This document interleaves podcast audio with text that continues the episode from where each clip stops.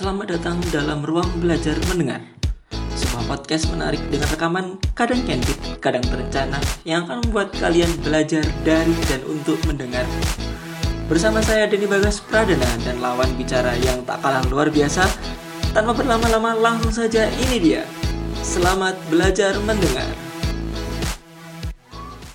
Oke, bersama dengan Mas Sultan Faras di sini di podcast Belajar Mendengar episode ketiga. Oke, Mas Sultan, Presiden Mahasiswa BMKM UGM. Gimana kabarnya Mas Sultan? Alhamdulillah baik ini baik. Mas Sultan sendiri ini masih sibuk lomba-lomba, Mas? Kalau sekarang tinggal cuman satu ini nunggu yang uh, student Axios-nya Bandung. Itu diajak teman waktu itu. Jadi udah terlanjur kecemplung ya ya udah diterusin aja. Ah, sumpah Mas sama ikut SXT CEO aku juga ikut loh, Mas. Iya, waktu yang, itu yang KO itu kan? Ah, uh, yang bisnis case. Ketemu ketemu lagi sama Mas Sultan anjir. Kok kemarin sempat ketemu di MCU aja 2018 kan Mas kita? Iya. Yeah. anjir nggak nyangka. Masih sibuk di perlombaan juga ternyata sebenarnya itu ini sih apa namanya karena temen waktu itu aku udah terlanjur ini ya punya janji sama dia untuk nemenin uh, lomba jadi ya udah men men memenuhi janji lah sama tim yang Dreamliner kemarin mas? Enggak beda lagi. Oh beda. Sama adik tingkat berarti ya? Sama adik tingkat sama anak seangkatan. Jadi bertiga. Anjir aduh. Langsung tiba-tiba ngedon aku. DBCC ketemu Mas Sultan. SXC ketemu Mas Sultan, ini ketemu Mas Sultan lagi ya ampun. Santai bro, santai. Kemarin di MCW aja juara satu Mas ya, sampai Nas. Iya itu nggak nyangka juga sih tahun 2018 kan baru angkatan ke berapa ya? Semester tiga semester dua bahkan itu. Semester empat berarti saya semester dua mas. Iya iya semester empat. Uh, ah, bener -bener pas semester 4 udah juara satu. Dan itu aku ternyata mas ya di MCOAJ itu ternyata kan aku follow IG-nya semua kan. Pejabat-pejabat semua juga yang ikut MCOAJ itu. Siapa tuh? Yang Leon kan ketua HMI-nya FEBUI kan? Oh iya. Oh oh Leon, Leon yang juara dua. Sekarang di BEM UI berarti Leon. Iya di kastratnya UI, kadepnya kastratnya oh, UI juga. Iya iya iya. iya. Oh, anjir. Terus Mbak Ariadna Ariadna itu juga apa uh, petinggi juga di UI tapi nggak tahu apa an kesibukannya. Juga uh, yang UPN Fajar nanti juga petinggi juga. Emang yang di MCWJ itu lumayan pejabat-pejabat semua kayaknya yang ketemu itu. Karena emang udah sendiri lumayan bergengsi Gimana? kan. Lumayan bergengsi soalnya. Oh iya dulu pas semester 2-nya Mas Sultan juga juara ya di MCOJ. Berarti Mas Sultan juara tiga kali ya di MCOJ. Dua kali. Oh, dua kali. Ya. Oh ya, yang tahun selanjutnya nggak ikut pas semester 6, Mas? Nggak, nggak ikut. Oh, alah. Kalau ikut juara bertahan itu mah. nah, mungkin Mas Sultan bisa ini, bisa nyeritain pengalaman-pengalaman lombanya Mas Sultan dulu nih mungkin. Sampai okay, jadi dari dari uh, awal awal maba sampai semester ini sekarang ini jadi sebenarnya kan emang backgroundku manajemen ya manajemen di uh, eh, FEB UGM uh, di semester awal memang uh, udah udah mulai ikut lomba jadi semester awal udah mulai ikut lomba tapi selalu gagal. Karena emang pada dasarnya aku dulu masuk ke UGM juga lewat jalur prestasi lewat jalur lomba lomba bisnis juga bisnis case bisnis IT bisnis plan gitu. Jadi mulai SMA udah emang terjun di lomba-lomba bisnis. Nah waktu awal kuliah mau nih mau ngelanjutin nih masa uh, cuman SMA doang uh, kuliah mau tak lanjutin juga. Uh, sekitar 5 sampai enam lomba awal tuh kalah terus. Kalah terus kalah kalah kalah gitu. Nggak, nggak pernah lolos bahkan nggak pernah lolos ke babak selanjutnya baru di semester 2 itu sama yang tim Dreamliner yang sama Bilan sama Koko itu uh, di manajemen competition ya UAJY tahun 2017 ya itu baru alhamdulillah dapat juara satu. Setelah oh. itu mulai nih ikut lomba-lomba lain mulai ikut uh, apa namanya di UKSW Satya Wacana. Uh, kemudian ikut yang uh, di UNER ikut yang di uh, Undip. Terus uh, kemudian ikut juga yang di MC tahun selanjutnya di WAJY tahun 2018 kemudian alhamdulillah dapat juga di apa namanya juara dua di Pajajaran International Business Case waktu itu di tahun 2000 2018 waktu itu. Di 2018 akhir waktu itu. Jadi uh, emang uh, kebanyakan adalah di uh, business case. Uh, selain itu juga tahun 2019 awal itu mulai diajak ini sama temenku anak anak IT anak teknik tek, tek, teknologi informasi UGM buat ayo nyobalah hackathon coba hackathon. Oh ya hackathon. Ya, awalnya kan aku nggak tahu uh, sebenarnya hackathon ini apa dan lain sebagainya, tapi di sana aku justru belajar nih untuk uh, apa ya uh, ngebuild ngebuild apa namanya ngebuild produk dalam bentuk sederhana gitu, dalam produk, uh, produk yang bentuknya sederhana, produk entah itu apps, entah itu uh, apa namanya, uh, entah itu sebuah sistem, tapi harus dengan dasar analisis bisnis yang kuat, analisis ekonomi yang kuat. Nah dari sana mulai ini pertama ikut hackathon, Genius, alhamdulillah juara satu. Kemudian selanjutnya ikut hackathon uh, Biofin punya UNDP Indonesia, alhamdulillah juara tiga. Terus lanjut ke yang terakhir hackathon di Toyota, alhamdulillah juara dua kemarin di akhir 2019. Eh iya di akhir 2019. Dan selain itu juga uh, dapat kesempatan juga di beberapa konferensi uh, di kayak di uh, apa namanya konferensi internasional yang diadain oleh uh, Backcraft Badan Ekonomi Kreatif Internasional uh, Conference on Creative Economy waktu itu di Nusa Dua Bali. Terus habis itu dapat kesempatan jadi speakersnya di uh, apa namanya Indonesian Development Forum punya Bapenas di Jakarta di tengah pertengahan 2019 terus lanjut di bulan September itu ke Malaysia buat CIMB Young Asian Leaders uh, Forum. Uh, terus lanjut di Februari kemarin uh, jadi delegasi UGM buat uh, ini apa namanya uh, ASEAN Student Leader Forum ke-8 di Thailand.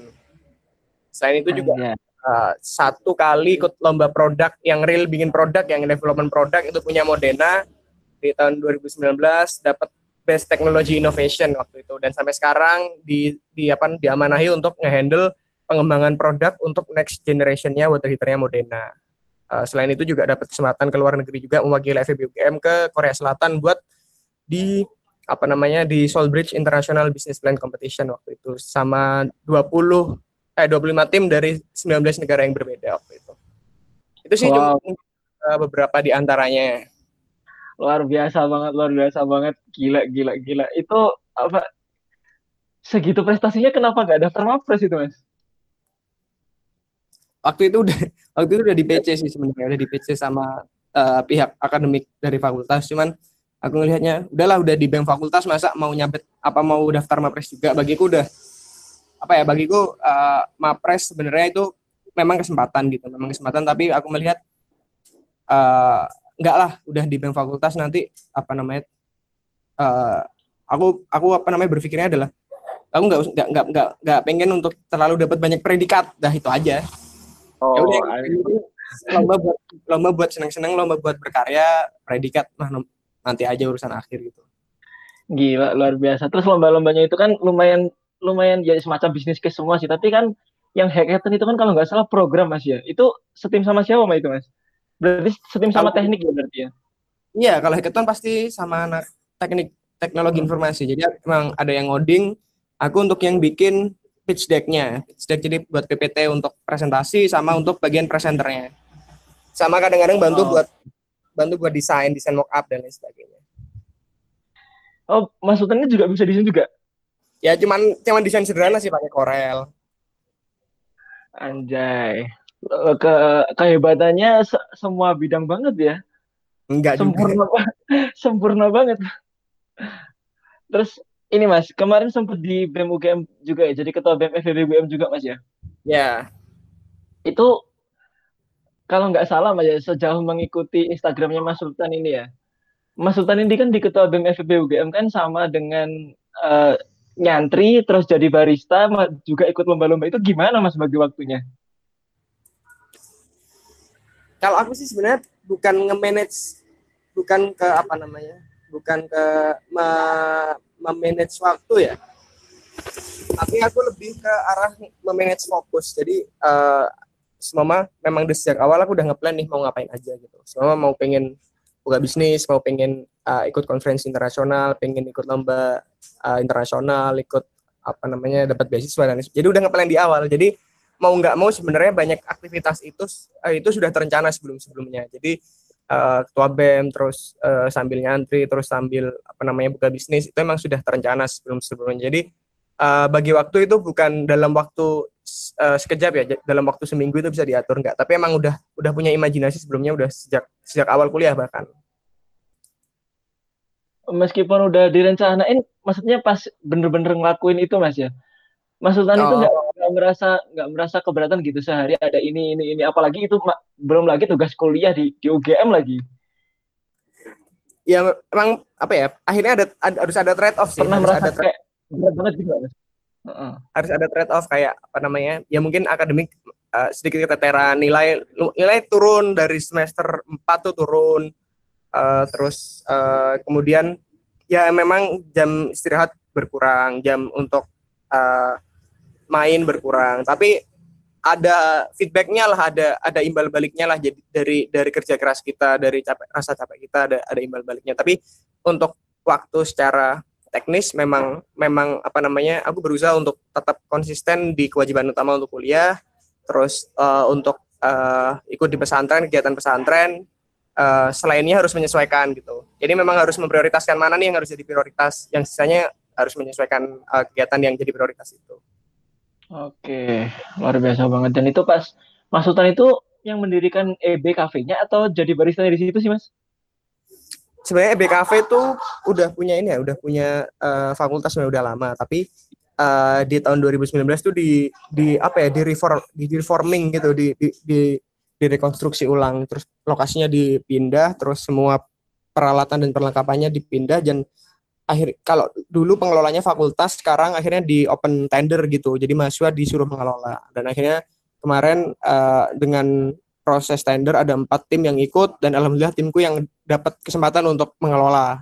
Jadi kita bikin brand sendiri punya brand sendiri tapi untuk fasilitasnya disediakan oleh kampus gitu. Jadi memang usaha bareng-bareng gitu usaha berempat. Nah Nah, ini mungkin bisa jadi inspirasi buat kafe-kafe di kampus lain, di jurusan lain, di jurusan manajemen di kampus lain nih, Mas. Mungkin bisa diceritakan nih, Mas Sultan, uh, di EB Cafe itu kalau misalnya manajemennya diserahkan ke mahasiswa, itu pembagian keuntungannya gimana, terus pengelolanya gimana, Mas? Terus kalau nanti ternyata ditur otomatis cuma satu periode kan, periode selanjutnya oh. ganti mahasiswa lagi kan. Nah, itu gimana penyerahannya dan dan kendala-kendalanya gimana? Sebenarnya kalau yang di apa namanya yang di kafe itu pembagian untungnya itu tiap nggak nggak nggak ini sih nggak nggak nggak mesti ya. Kadang uh, kita melihatnya adalah dari kondisi uh, kecukupan kas. Jadi kita harus minimal punya kas sekian baru setelah itu kita sisanya bagi hasil gitu. Oh, jadi memang uh, harus ada titik titik kecukupan kas nih. Semua minimal kita harus punya kas 4 juta setelah itu sisanya baru kita bagi. Jadi minimal ada kas itu dulu terus sisanya kita bagi. Oh dan untuk apa namanya uh, bagi bagi hasilnya memang bagi hasil pukul rata berempat. Karena berempat nih memang punya tugas masing-masing. Ada yang tugas untuk secara operasional untuk uh, supply chain-nya untuk memenuhi memenuhi kebutuhan dasarnya. Terus habis itu apa namanya ada yang bagian untuk ngurusin HRD baristanya. Terus ada yang bagian marketingnya yang bagian keuangannya. Dan setelah itu uh, kita udah siap-siap sih juga untuk keluar uh, dengan brand yang sama tapi kita bawa untuk keluar kampus. Dan sekarang udah mulai persiapan uh, tapi daerahnya mungkin agak jauh dari UGM jadi memang di, di kampus itu emang tempat laboratorium untuk praktek sih untuk praktikum untuk eksperimen. Kalau pas kita udah merasa matang udah merasa mampu kita kita baru mau uh, apa namanya untuk untuk expand keluar gitu. Terus terus perpindahan perpindahan itu mas perpindahan timnya itu? Nah itu kalau perpindahan timnya sih diurus fakultas sebenarnya Oke, itu awalnya gimana mas? Maksudnya dari awalnya dikelola fakultas, kok akhirnya bisa open tender itu yang kayak semacam yang ngojok-ngojok gitu siapa mas itu? Kalau yang atau memang tahun kalau itu sih sebenarnya anu ya apa namanya awalnya berawal dari nggak tahu ya apakah memang memang dari obrolanku sama wakil deh kan waktu itu aku bilang pak ini kok kayaknya nggak ada laboratorium ya buat mahasiswa untuk praktek kewirausahaan. Kan di sini kan school of business tapi kok uh, sense of businessnya uh, masih rendah gitu. Terus akhirnya uh, dari situ uh, kampus mulai untuk uh, memberi memberi lebih banyak fasilitas sih sebenarnya untuk anak-anak untuk berani mulai bisnis. Salah satunya ya lewat open tender itu untuk di apa namanya untuk di uh, ngelola IB Cafe.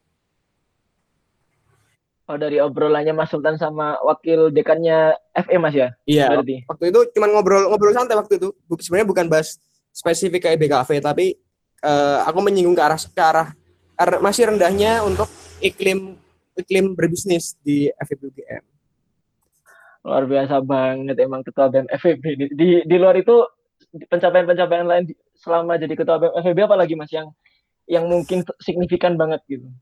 Sebenarnya udah terdokumentasi baik di buku tahunannya sih dan udah baca. Kalian nanti bisa akses di uh, di webnya apa mas? Kalau boleh tahu nanti mungkin bisa di share bisa di uh, eh, ugm.id slash uh, apa namanya uh, catatan perjalanan FEB bersatu. Jadi ada di kalau susah ada di Instagramnya BFEB UGM mungkin agak scroll agak panjang di tahun akhir post postingannya ada di akhir tahun 2018 waktu itu. Iya Nah itu mungkin Mas Sultan bisa ny sambil nyeritain sedikit Mas di sini uh, di podcast ini pencapaian-pencapaian terbaik atau yang signifikan Mas Sultan selama menjadi ketua BEM FEB ini apa aja Mas?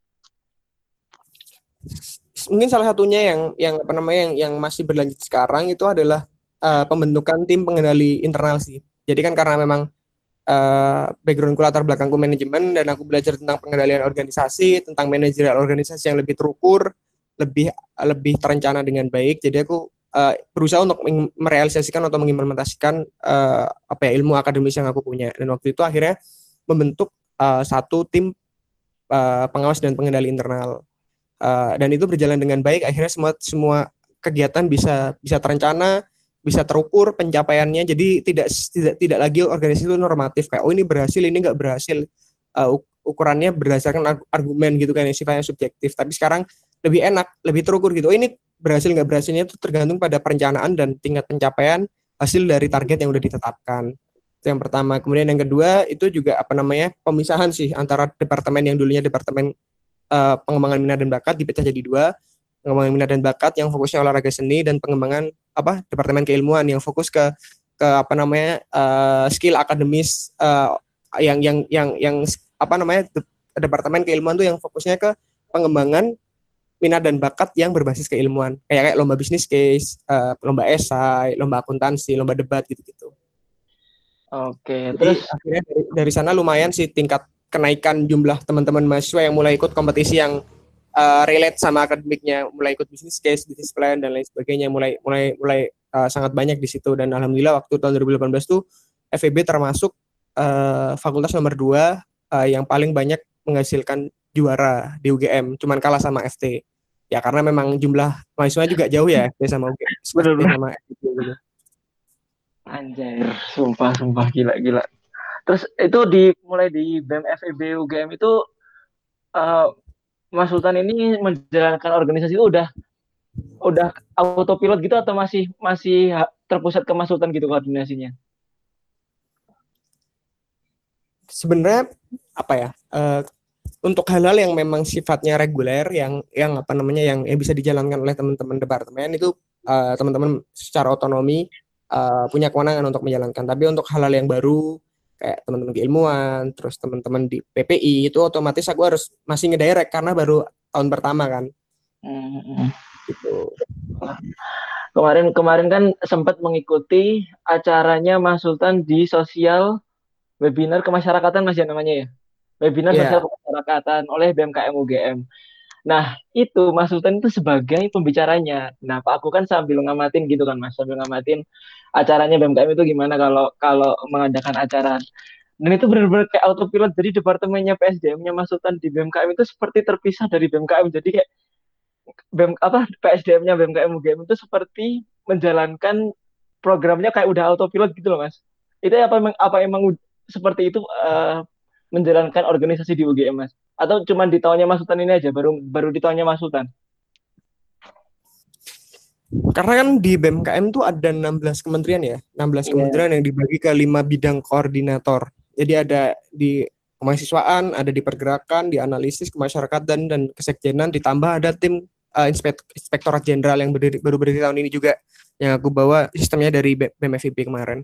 Jadi memang dengan 16 kementerian otomatis uh, apa namanya uh, aku cuma satu orang jadi memang ada men menteri koordinator ya, menteri koordinator yang secara spesifik menerjemahkan visi misi dan kerangka kebijakan operasional yang udah diterapkan di awal. Ya meskipun ada, akan ada perubahan-perubahan ya, tapi mengacunya adalah pada visi misi besar, gagasan besar dan kerangka kerangka uh, operasional yang udah kita tetapkan sehingga nanti implementasinya akan seperti itu dan yang aku tekankan adalah ke empowerment sih, lebih ke empowerment. Bagaimana teman-teman, oke okay, kita kita sebenarnya punya visi atau program, tapi dalam praktiknya atau dalam implementasinya teman-teman uh, punya punya kewenangan untuk berkreasi.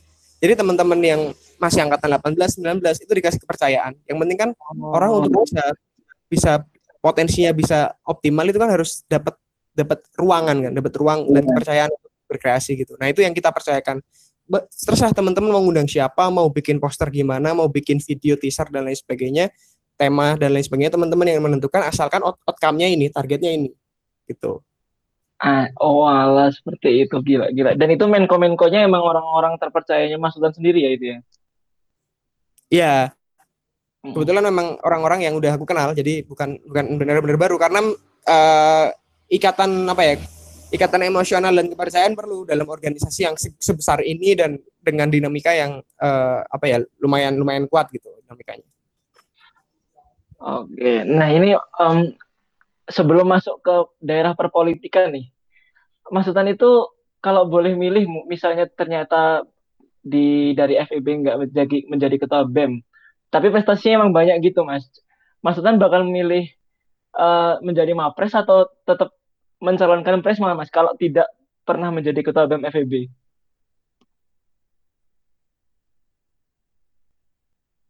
Halo. Se kalau aku ya, kalau kalau disuruh milih aku pengen pengen ya hidup santai aja sebenarnya hidup ya udahlah kalau kalau emang lagi ada lomba ya ikut lomba kalau lagi slow ya jalan-jalan naik gunung uh, buka bisnis dan lain sebagainya karena uh, apa ya semua kegiatan aku aku anggapnya sebagai sebagai apa ya proses untuk aku mengembangkan diri dan ya ini bentuk bentuk apa yang tak punya ya ini yang tak kasih gitu bentuk bentuk mutualisme lah sama lingkungan sosial jadi nggak aku nggak pernah memikirkan bahwa oh aku harus punya target atau ambisi untuk untuk ada di posisi tertentu. Ya ya ya ini yang kalau kalau semua kemarin pencalonan Presma pun itu bukan bukan sama sekali in, intens pribadi ya, interest pribadi ya. Karena aku nggak jadi Presma pun nggak masalah gitu bagiku. Ya udahlah uh, apa namanya jadi jadi mahasiswa biasa pun udah cukup gitu. Uh, udah mending nuntasin nuntasin apa uh, kewajiban akademis terus lanjut kerja. Nah, kalau aku sih nggak nggak pernah berpikiran uh, untuk ambisi tertentu. Nah, di kalau nggak salah di awal-awal PPSMB UGM itu kan kayak nuliskan target gitu kan, Mas? Nuliskan target selama kuliah mau mencapai apa aja gitu nggak sih, Mas? Ya. Nah, itu di targetnya Mas Sultan memang udah ada sebagai Presma BMKM atau UGM atau Mapres gitu nggak, Mas? Atau emang nggak ada? Kalau waktu itu sebenarnya bukan di PPSMB-nya sih aku men-state-nya, tapi waktu itu ada kaderisasi, kaderisasi di BMKM juga tahun 2016 yeah. awal masuk. Itu aku menuliskan juga pengen pengen untuk jadi presma. Oh. Tapi seiring berjalannya waktu sebenarnya itu udah udah udah apa ya, udah aku kubur sebenarnya cita-cita itu. Udahlah eh, nggak uh, jadi presma juga nggak masalah gitu. Oh berarti emang dari awal itu emang Mas Sultan ini lebih melihat uh, potensi ke presma daripada menjadi mapres Mas ya berarti ya? Enggak juga sih sebenarnya karena uh, pencalonan itu pun baru dimulai di bulan September, September 2019. Dan sebelum itu udah udah udah apa namanya udah lomba-lomba. Jadi uh, bukan apa namanya bukan mengarah ke satu satu satu apa ya, satu fokus, tapi emang berjalan simultan gitu. Oke oke. Uh, rata-rata emang ini ya Mas ya presmanya BMKM UGM itu rata-rata juga orang orang-orang yang mapres secara unofficial gitu mas ya berarti ya mas. Fatur juga gitu dulu. Nggak tahu kalau si mas siapa sebelumnya mas Fatur itu nggak tahu. Emang Obed. emang sistemnya iya mas Obed emang sistemnya rata eh, rata-rata orang yang ditunjuk atau yang di, dicalonkan sebagai ketua BMKM itu rata-rata emang orang-orang yang pintar semua mas ya? Ya karena mau tidak mau memang tuntutan sih sebenarnya. Tuntutan karena uh, bukan hanya pada proses pemilihan tapi proses menjalankan selama setahun tuh memang butuh kematangan baik secara emosional maupun secara intelektual. Jadi mau nggak mau ya teman-teman UGM pun akan melihat sih mana mana apa namanya mana sos mana uh, calon yang paling punya kapabilitas, paling punya uh, experience, pengalaman, paling punya kemampuan intelektual yang paling mumpuni. Jadi ya tekanan sih sebenarnya teman tekanan dari teman-teman UGM sendiri sebenarnya Oke, uh, Mas kan ini mencalonkannya sepengetahuan saya secara maksudnya tidak tidak diusung oleh satu partai tertentu mas. Maksudnya tidak Sultan di UGM tidak mengikuti partai sama sekali terus dicalonkan oleh beberapa partai gitu kan mas ya? Ya nah itu awalnya kok bisa kayak gitu gimana mas? Kok kok partai-partai itu tahu kalau Mas Sultan ini layak dicalonkan untuk Presma BMKM UGM daripada kader partai mereka sendiri-sendiri gitu. Waktu itu sebenarnya obrolan itu uh, apa namanya dimulai di bulan Mei kalau nggak salah bulan Mei terus uh, karena emang uh, di UGM sistemnya kepartaian jadi tiap partai itu uh, apa namanya ya cari-cari lah cari-cari kandidat gitu baik dari uh, internal partai ataupun dari uh, eksternal gitu yang bukan bukan secara resmi kader kader mereka. Nah kemudian uh, dari sana di, di awal aku udah menolak ngapain aku? gitu, mending cari cari teman-teman yang memang udah jadi kader partai yang udah uh, lama terjun di politik kampus. Karena kan aku terakhir di politik kampus ya waktu di BEM fakultas. Itu pun uh, udah hampir setengah tahun gitu nggak nggak sama sekali mengikuti uh, dinamika politik kampus. Jadi di awal-awal aku aku uh, menolak untuk dicalonkan tapi di di di bulan-bulan September menjelang Oktober itu kan saat-saatnya pendaftaran. Terus uh, mulai untuk aku bikin kesepakatan aja sebenarnya. Uh, apa namanya kalau mau ngusung jangan jangan pakai model politik pragmatis. Kalau mau ngusung ya kita sepakati gagasan bareng-bareng kita perjuangan ini secara kolektif uh, kita bentuk nanti pun uh, strukturnya secara profesional kita kerja untuk menghasilkan impact bukan atas dasar kepentingan golongan gitu. Ya udah kalau mau mau mengusung mau nggak mau ya ambil kesepakatan ini kalau nggak mau ambil kesepakatan ini ya udah nggak apa-apa gitu. Aku nggak nggak mencalonkan diri pun nggak masalah. Jadi waktu itu akhirnya aku aku apa namanya dikenalin ke beberapa uh, partai mahasiswa diajak ngobrol. Akhirnya dari dari beberapa ada tiga partai itu yang berkenan untuk mengusung. Akhirnya kita bikin platform bareng-bareng. Platform di awal uh, yang namanya benahi bersama itu untuk uh, apa namanya bikin pembenahan-pembenahan baik secara struktural secara metodologis maupun secara secara secara teknis uh, BMKM UGM untuk tahun ini. Jadi akhirnya kan uh, di awal pun prosesnya kan aku inginnya proses penentuan menteri bukan lagi proses bagi jabatan politis, tapi memang proses bidding atau proses lelang jabatan yang transparan, terbuka uh, dan bisa membuat adanya kompetisi. Jadi cal apa namanya menteri menteri itu ya calon terbaik yang terpilih, uh, bukan cuman atas dasar preferensi uh, preferensi politik atau kenalan gitu. Nah itu kemarin juga mantap sih mas yang pemilihan menterinya melalui bidding dan seleksi itu sempat menginspirasi ini, menginspirasi organisasi-organisasi di UM untuk melakukan bidding juga buat kepala departemennya atau menteri-menterinya. Cuman lagi-lagi karena di sini politik pragmatisnya lebih kuat, akhirnya ya masih tetap jadi bagi-bagi kursi gitu, Mas. Oke, lanjut ke ini, Mas. Apa titik uh, menjabat sebagai Brisma BMKM UGM ini kan sebenarnya uh, seperti menjadi kiblatnya organisasi kampus di Indonesia gitu kan mas. Apa-apa lihatnya kalau BMKM-nya UGM ya BMKM-nya UI. Dan kajian-kajiannya kajian-kajiannya kan juga yang dilihat. Nah, Mas Sultan ini lumayan lumayan berkontribusi aktif gitu nggak Mas di, di kajian-kajian yang diupload di feed-nya atau Mas Sultan serahkan sepenuhnya ke kajian strategisnya Mas Sultan? Jadi gini, uh, apa namanya proses kajian tuh memang uh, anu ya uh, double loop gitu. Double loop ada dua kali loop atau lingkaran proses. Jadi awalnya iya. teman-teman uh, apa namanya teman-teman kastat uh, kan kita kan prosesnya kan ada dua ya, uh, yang sifatnya memang insidental, yang isu-isu yang aktual, dan sifatnya memang uh, strategis gitu, yang sifatnya jangka panjang, mau ngawal apa gitu. Kalau yang strategis memang dari aku, oke okay, kita ngawal tahun ini semua tahun ini omnibus law, kita kawal omnibus law. Emang itu penetapannya dari aku. Uh, jadi yang strategis. Kalau yang isu-isu insidental itu memang dari teman-teman, dari teman-teman. Tapi teman-teman selalu ngabari aku, mas kita mau bikin ini, ada sudut pandang nggak? Nah aku selalu ngasih apa namanya ngasih sudut pandang atau ngasih preferensi nih. Lebih baik ini ambil dari sudut pandang ini, coba baca referensi ini, oh. coba ambil metodologinya ini. Uh, jadi pun teman-teman kalau sudah menyelesaikan kajian itu akan aku selalu review. Eh ini kurang ini, ini coba ditambahin ini, ini lebih dipertajam ke sudut ekonominya atau sudut politiknya. Ini uh, apa namanya uh, sisi politik, politik sisi sisi kacamata sosialnya masih kurang. Nah itu jadi ada feedback loop yang sifatnya saling mengkoreksi gitu. Anjay, pantesan da dalam banget itu analisisnya kajian. Jadi kajian strategisnya BMKM UGM itu memang lumayan konkret banget kajiannya sampai ke solusi-solusinya. Nah, itu masukan ini titik awalnya bisa sekritis ini tuh gimana sih, Mas? Dan dan uh, awalnya gimana bisa sekritis ini, memiliki tingkat analytical yang tinggi ini?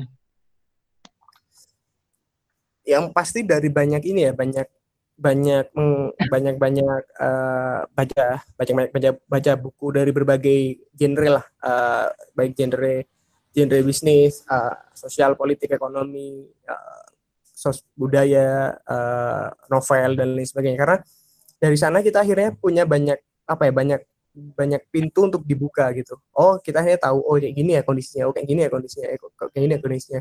Jadi ada ada komparasi komparasi gitu. Kadang novel tuh juga kadang ngasih kita perspektif yang baru loh. Oh ternyata bisa kayak gini ya. Karena uh, isu-isu tuh nggak harus secara pakai pisau yang analisis yang sifatnya memang uh, apa ya pure akademis gitu, yang sifatnya pakai teoritis. Tapi kadang bisa juga pakai seni gitu. Pendekatannya pakai seni. Oh bisa pakai pakai kacamata ini, bisa pakai kacamata ini. Jadi mau nggak mau memang uh, untuk dapat dapat apa ya dapat dapat pola pikir yang bisa dibilang tanda kutip kritis adalah lewat proses membaca yang intens dan uh, spektrumnya luas biar nggak biar nggak jenuh gitu biar nggak nggak nggak terbatas uh, referensi. Nah kalau boleh tahu nih mas itu berarti sejak SMA atau lagi baru-baru kuliah ini mas itu Mas Sultan mulai budayakan baca-baca buku gitu? Kalau waktu SMA masih terbatas ya uh, apa namanya referensi uh, bacaannya tapi mulai banyak adalah waktu kuliah. Oke. Dan itu didukung dengan lingkungannya uh, Mas Sultan di sana ya per, pergaulan-pergaulannya Mas Sultan di sana uh, seperti apa Mas? Apa kurang lebih kalau nongkrong itu bicarain politik gitu atau atau gimana Mas? Enggak sih, aku malah justru senang lingkungan yang heterogen. Jadi kalau lagi pengen kalau lagi pengen ngobrolin isu, ah, punya lingkup punya punya punya uh, apa punya circle sendiri. Kalau lagi pengen santai, pengen ngopi, pengen guyon-guyon, ada. Pengen mau naik gunung, ada. Jadi lebih heterogen. Dan di sana pun akhirnya nggak jenuh gitu. Kalau kadang orang kalau terlalu sering ngobrol isu politik dan lain-lain itu jenuh. Sudut pandangnya terbatas. Tapi kalau iya. kadang uh, ada celetukan-celetukan gitu kan dari teman-teman yang bahkan tidak sama sekali uh, menyentuh isu-isu sosial politik kadang eh ini kok kenapa kok gini ya kenapa nggak gini ya Nah justru itu kan pandangan masyarakat awam yang justru kita harus capture gitu. Iya. Karena betul. mau nggak mau kita ingin mewakili atau mewakili sudut pandang orang-orang masyarakat secara umum. Nah mau nggak mau kan ya bukan meskipun kita punya alat-alat analisis yang bagus, tapi kalau secara sudut pandang umum kita nggak mewakili masyarakat secara luas, maka tulisan itu nihil gitu, nggak akan menyuarakan apa pun, gitu sih. Oke, berarti maksudnya ini cukup memiliki circle yang banyak ya berarti di Jogja ini mas ya? iya biar oh. biar nggak biar nggak jenuh lah biar nggak capek kemarin itu aku sempat sempat menyimpulkan secara cepat gitu kan yang di podcastnya Merdeka mendengar itu kan sebenarnya ngobrol santai gitu terus direkam dijadikan podcast terus aku langsung langsung bagikan ke teman-temanku di Malang sini sama circle-circle gitu kan kalau anjir mahasiswa UGM kalau nongkrong bahasanya politik dan berat-berat kayak gini pantas ada kritis-kritis semua ternyata nggak juga mas ya Enggak sih. Ya ya apa ya? Ya tergantung kebutuhan dan lagi suasana apa gitu. Kalau kalau biasanya kalau udah mau mau mulai bulan-bulan September nih, bulan-bulan Juli, eh, bulan Agustus September pasti bahasanya tentang tentang pemilu politik kampus. Kalau isu-isu kayak gini kadang juga di di tempat-tempat um, apa di tempat-tempat nongkrong pun bahasanya isu-isu kayak ini kebijakan pemerintah gimana sih kok kok kok kayaknya nggak nggak nggak apa ya nggak konkret gitu nggak ada dampak realnya ke masyarakat ya mau ya meskipun bahas isu-isu isu-isu sosial politik aktual tapi dibahasnya dengan bahasan yang sederhana-sederhana kadang-kadang klise-klise gitu. Oke. Nah, Mas Sultan nih di seti aku ngamatikan di setiap kampus itu kan kalau pemilu itu pasti kalau uh, seperti ada buzzer-buzzer yang nyerang gitu kan, entah pada saat pemilihan maupun pada saat udah terjadi gitu. Nah, Mas Sultan sendiri ini ada semacam diserang-serang gitu nggak Mas selama entah selama mencalonkan ataupun pada saat udah jadi kayak gini? Pasti kalau memang apa ya perbedaan perbedaan pendapat hal yang lumrah sih. Jadi memang harus ada justru langkah-langkah korektif gitu atau uh, pressure-pressure baik baik baik itu dari orang secara individu yang yang dia menunjukkan identitasnya siapa atau yang sifatnya anonim. Ya mau nggak mau kita harus uh, terima gitu. Jadi pun itu bentuk dari apa ya dari dialektik gitu. Uh, saling saling tukar argumen saling tukar silang pendapat dan itu hal yang wajar dan harus dinikmati. Mau nggak mau ya kalau kita mengkritik pemerintah nggak mau dengar kita kalau kita nggak mau dengar orang lain kita sama dong sama yang kita kritik. Oh iya benar benar benar berarti berarti didengerin dan mungkin maksudnya sempat sempat diskusi juga nggak? Atau nggak membuka ruang diskusi buat mereka gitu mas? Semacam didengerin aja cukup gitu. Atau kalau bahkan memang, atau bahkan ya. klarifikasi gitu nggak mas? Kalau yang memang krit, krit, kritiknya konstruktif akan langsung kita ajak ngobrol. Jadi ayo mas kita santai aja ngobrol gitu bareng-bareng untuk untuk ngekelirin masalah atau uh, saling tukar pendapat untuk apa problem apa yang kita kita mau selesaikan. Jadi uh, memang ruang ruang ruang diskusinya selalu terbuka gitu. Oke. Nah, Mas Sultan sendiri nih kajian strategisnya BMKM UGM ini kan banyak banget dan lumayan berpengaruh terhadap ormawa-ormawa fakultasnya UGM sendiri nih dalam mengkritisi setiap kebijakannya pemerintah. Tapi kan nggak selalu nggak selalu itu semua bakal terus didengar gitu. Atau mungkin bahkan nggak didengar. Bahkan lebih jauh kemarin FH FH-nya UGM sampai dibungkam mas ya. Nah itu gimana nih mas? Meskipun jarang diperhatikan oleh negara ini apa yang membuat Mas Sultan ini selalu menyuarakan tidak hanya kritik namun juga solusi-solusi untuk negara ini mas? Yang lebih penting dari kritik yang didengar adalah reproduksi ilmu ilmu pengetahuan dan uh, kesadaran sih. Jadi uh, kesadaran dan reproduksi kesadaran dan uh, knowledge atau pengetahuan itu yang nanti akan menjadi apa ya bentuk dari rekonstruksi sosial yang skalanya lebih besar. Jadi pemerintah bisa kalau kita mengkritik pemerintah dan pemerintah bisa bisa mentransformasikan diri itu akan terjadi perubahan kan secara sosial maupun politik.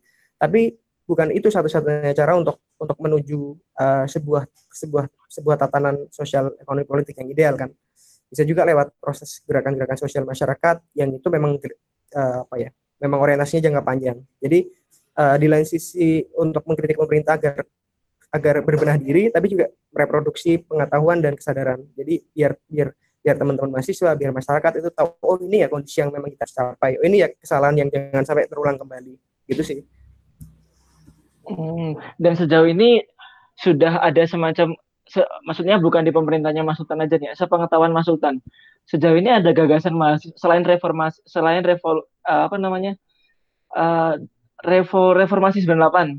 Selain reformasi 98 ada nggak Mas sejauh ini, ini yang uh, kegiatan kemahasiswaan yang benar-benar dapat atau memberikan solusi kepada pemerintah dan diaplikasikan sama pemerintah Mas? Sepengetahuan Mas Sultan. Sebenarnya kalau tahun-tahun zamannya Pak SBY itu banyak ya kayak apa namanya pembatalan kenaikan BBM gitu kan akhirnya bentuk aksi massa atau demonstrasi kan bisa menggagalkan kenaikan uh, harga BBM waktu itu. Tapi uh, di tahunnya Pak Jokowi bentuk aksi massa tuh sampai sekarang kemarin terakhir yang aksi massa besar September 2019 kan uh, satu pun tuntutannya tidak ada yang dipenuhi. Mulai dari apa namanya pembatalan RUU KPK kemudian uh, pembatalan RUU KHP, pengesahan RUU PKS, terus tentang RUU pertanahan dan lain sebagainya itu kan tidak ada yang terpenuhi. Jadi memang dalam kita dalam kondisi sulit ya ketika sebenarnya kan aksi massa itu bukan satu-satunya cara, tapi itu bentuk bentuk apa ya extra, extraordinary act lah uh, tindakan tindakan luar biasa yang memang harus ditempuh untuk kalau udah kepepet gitu ya, ya gak ada cara lain ya udah harus harus pakai cara ini. Tapi selain itu juga bisa lewat jalan-jalan yang sifatnya memang diplomatis, lewat audiensi, lewat uh, apa namanya uh, pe, pe, pe, pe, apa presentasi kajian, pengiriman surat resmi dan lain sebagainya. Kalau sampai ini sampai sekarang kalau hal yang paling konkret yang sudah sudah pernah terjadi dan uh, terimplementasi itu di tingkat kebijakan uh, kampus sebenarnya tingkat kebijakan oh, kampus iya. salah satunya kemarin keringanan keringanan uh, penundaan dan pemotongan UKT untuk semua mahasiswa baik itu reguler, diploma, sarjana, uh, inter mahasiswa internasional, mahasiswa pasca sarjana, profesi, uh, dan doktoral gitu. Oh, menurut Mas Sultan sendiri ini berarti belum ada mas ya selain aksi aksi kan yang extra extraordinary act ya berarti, berarti secara mediasi atau diplomatis memang belum ada gagasan-gagasan dari mahasiswa yang diaplikasikan sama pemerintah. Nah, menurut Mas Sultan sendiri, kenapa ini Mas pemerintah tidak tidak mau mengaplikasikan atau mengaplikasikan solusi-solusi dari mahasiswa baik secara diplomatis bahkan extraordinary act se sebesar demo September kemarin? Ada dua hipotesis sih. Uh, ada dua hipotesis. Yang pertama adalah uh, soal uh, apa namanya proses. Uh, jadi kan memang uh, demonstrasi adalah jalan terakhir. Tapi apakah demonstrasi itu sudah sudah dalam tanda kutip melalui proses yang matang dan seharusnya. Kayak apakah sudah ada proses audiensi, apakah sudah ada proses uh, si yang sifatnya diplomatis, apakah tekanan-tekanan sosial? Kan bukan hanya mahasiswa kan tekanan sosial bisa jadi bisa dari uh, apa namanya oposisi parlemen uh, dari tokoh nasional dari uh, apa namanya tokoh uh, negarawan dan lain sebagainya. Jadi uh, mau tidak mau hipotesis yang pertama adalah uh, proses proses pengawalan kebijakan yang memang memang eh, memang belum belum belum apa ya belum uh, belum secara menyeluruh. Yang kedua adalah memang uh, apa namanya pemerintahnya tidak tidak tidak tidak mau tidak mau berkompromi. Mm-hmm. Nah, jadi dua hipotesis ini yang yang menjadikan apa namanya tidak adanya bentuk realisasi dari protes-protes yang selama ini terjadi gitu. Entah antar proses pengawalan isu yang masih kurang uh, kurang apa ya kurang getol gitu kurang kurang menggigit yang kedua pemerintahnya nggak mau dengar atau nggak mau kompromi itu sih Oke, nah menurut Mas Sultan apa yang nih Mas yang membedakan uh, extraordinary act atau demo pada masa zamannya SBY? Ini ini agak berat sih Mas, tapi gak apa-apa kan Mas ini ya? Santai-santai. Oke apa yang membedakan uh, demo pada masanya SBY sama masanya Jokowi sehingga demo pada masanya J, uh, Pak SBY itu bisa direalisasikan sedangkan pada masanya Jokowi itu nggak pernah direalisasikan menurut Mas Sultan itu apa yang membedakan dari kedua demonya atau mungkin pemerintahnya gitu Mas? Sebenarnya yang paling penting adalah adanya konstelasi sih, adanya bentuk dinamika politik di tingkat elit ya di tingkat parlemen uh, atau pemerintahan. Karena waktu zaman SBY itu dia koalisinya nggak terlalu kuat sebenarnya koalisi politiknya nggak terlalu kuat sehingga oposisinya masih kencang waktu itu motornya masih PDIP sama Gerindra gitu kan dua partai yeah. yang, uh, yang lumayan gede nah uh, kalau sekarang kan kondisinya dinamika politik di atas sangat sangat, sangat kuat kendor. banget ya. Iya. Sangat kendor kalau sekarang. Kalau dulu kuat banget. Jadi SBY mau nggak mau harus berkompromi. Kalau nggak mau tiba-tiba tiba-tiba apa namanya kepleset gitu kan. Jadi harus kompromi, harus hati-hati dalam menentukan langkah. Nah kondisinya sekarang adalah uh, apa namanya dinamika ini nggak ada nih nggak ada nggak ada tawar menawar nggak ada uh, apa namanya tekanan. Jadi yang ngapain ambil kompromi kalau bahkan bahkan nggak berkompromi aja kita bisa tetap lanjut dengan aman gitu. Oh. itu sih oh. bedanya. Bener-bener oh iya sangat mencerahkan ya. Nggak pernah tersadar sampai segitunya loh mas. Oh, lumayan lumayan ini juga oh iya bener juga ya. Nah ini menurut Mas Sultan ini uh, ngomongin tentang kebijakan pemerintah nih menurut Mas Sultan kalau new normal dilakukan saat ini itu merupakan kebijakan yang tepat nggak Mas dari sisi ekonominya menurut Mas Sultan? Sebenarnya kalau kalau, kalau saya mengutip dari uh, apa namanya dosen dosen saya di FPB UGM uh, hmm. harusnya ini nggak ada trade off antara ekonomi kesehatan ya kesehatan yang jadi komandannya kebijakan ekonomi yang harus mengikuti gitu harus menyesuaikan dengan kebijakan kesehatan ya jadi uh, sebenarnya kondisi kondisi saat saat ini ya terutama kalau awal kemarin dua H plus dua minggu setelah Lebaran itu memang kondisinya belum ideal untuk new normal. Ada enam syarat new normal dari WHO.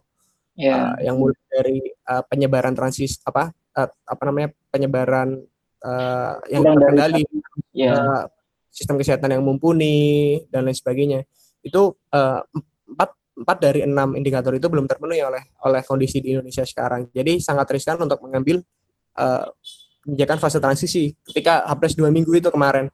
Tapi mau tidak mau uh, pertimbangan yang di, kalau ini ya kalau saya mengutip dari uh, uh, ketua tim pakar gugus tugas COVID-19 dari uh, guru besar FKM UI, uh, beliau bilang kita menerapkan manajemen risiko dalam dalam perancangan kebijakan fase new normal. Jadi beliau, uh, beliau dan tim uh, itu memetakan sektor mana yang beresiko rendah tapi berkontribusi tinggi pada ekonomi kayak sektor perbankan kemudian oh, okay, uh, okay. sektor sektor uh, apa namanya sektor sektor yang sifatnya memang resikonya sedang tapi kontribusinya tinggi tapi kalau yang uh, resikonya tinggi tapi kontribusinya rendah uh, itu masih masih masih sampai sekarang kan beberapa sektor masih mas, masih direstriksi kan jadi yeah. memang ada peta ada petanya nih sektor mana kayak sektor keuangan kemudian sektor uh, transport apa logistik. Nah, itu dibuka karena memang uh, kontribusinya tinggi tapi resikonya rendah.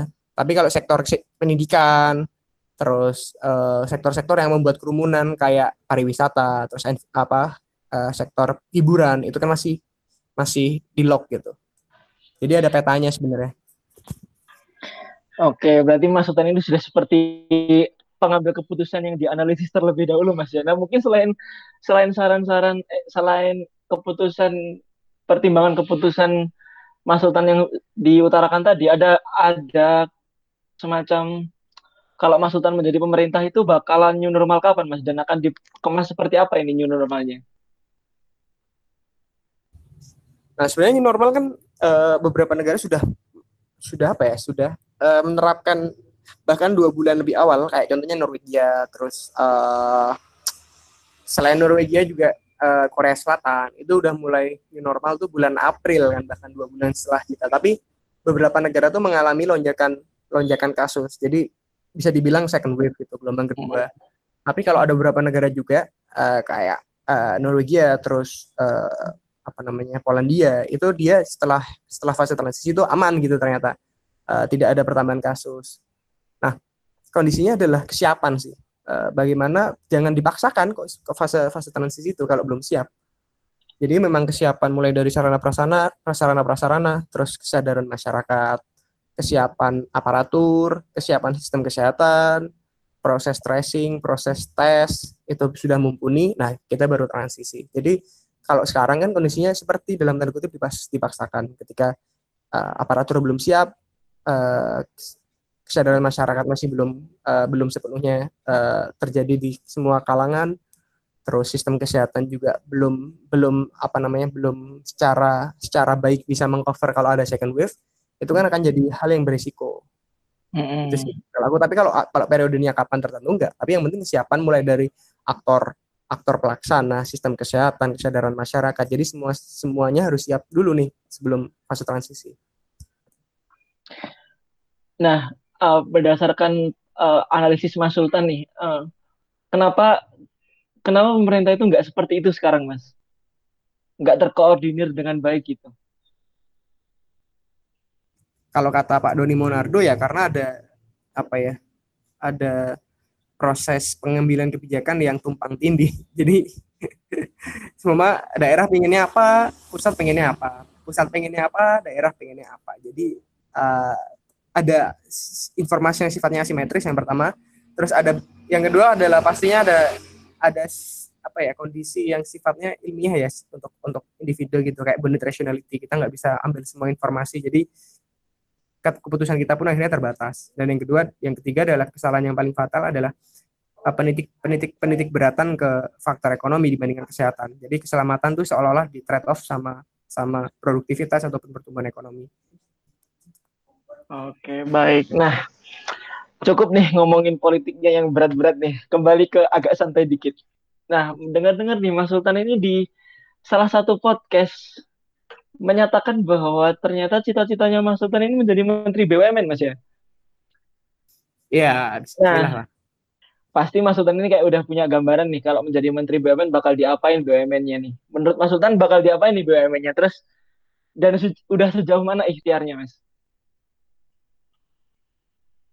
Oke, jadi karena memang berawal dari ini ya, berawal karena saya salah satu tokoh favorit saya adalah Bung Hatta, jadi memang dulu BUMN salah satu pencetus pertamanya konsep gagasan dan uh, konstruksi konstruksi idenya adalah dari dari uh, Dr. Muhammad Hatta gitu. Uh, yang memang beliau sangat sangat pro terhadap ekonomi ekonomi kerakyatan gitu beliau karena uh, ketika studi di Belanda beliau memang uh, sering untuk jalan-jalan uh, nih ke, ke daerah uh, daerah Eropa Barat gitu melihat uh, bagaimana uh, sosionasionalisme ekonomi berjalan di sana. Terus akhirnya pulang ke Indonesia bawa konsep koperasi, bawa konsep BUMN gitu kan. Nah, BUMN ini harusnya adalah badan usaha milik negara, bukan badan usaha milik pemerintah. Nah, karena kan akhirnya pemerintah kan di, uh, BUMN kan dijadikan seolah-olah instrumen, instrumen politik ekonomi bagi pemerintah, bagi golongan-golongan tertentu gitu. Ada kepentingan di sana. Seharus padahal kan hajat hajat hajatnya BUMN tuh untuk memenuhi kebutuhan dan sebesar-besarnya memberikan manfaat ke masyarakat. Nah, sebenarnya adalah orientasinya adalah ke transformasi sih.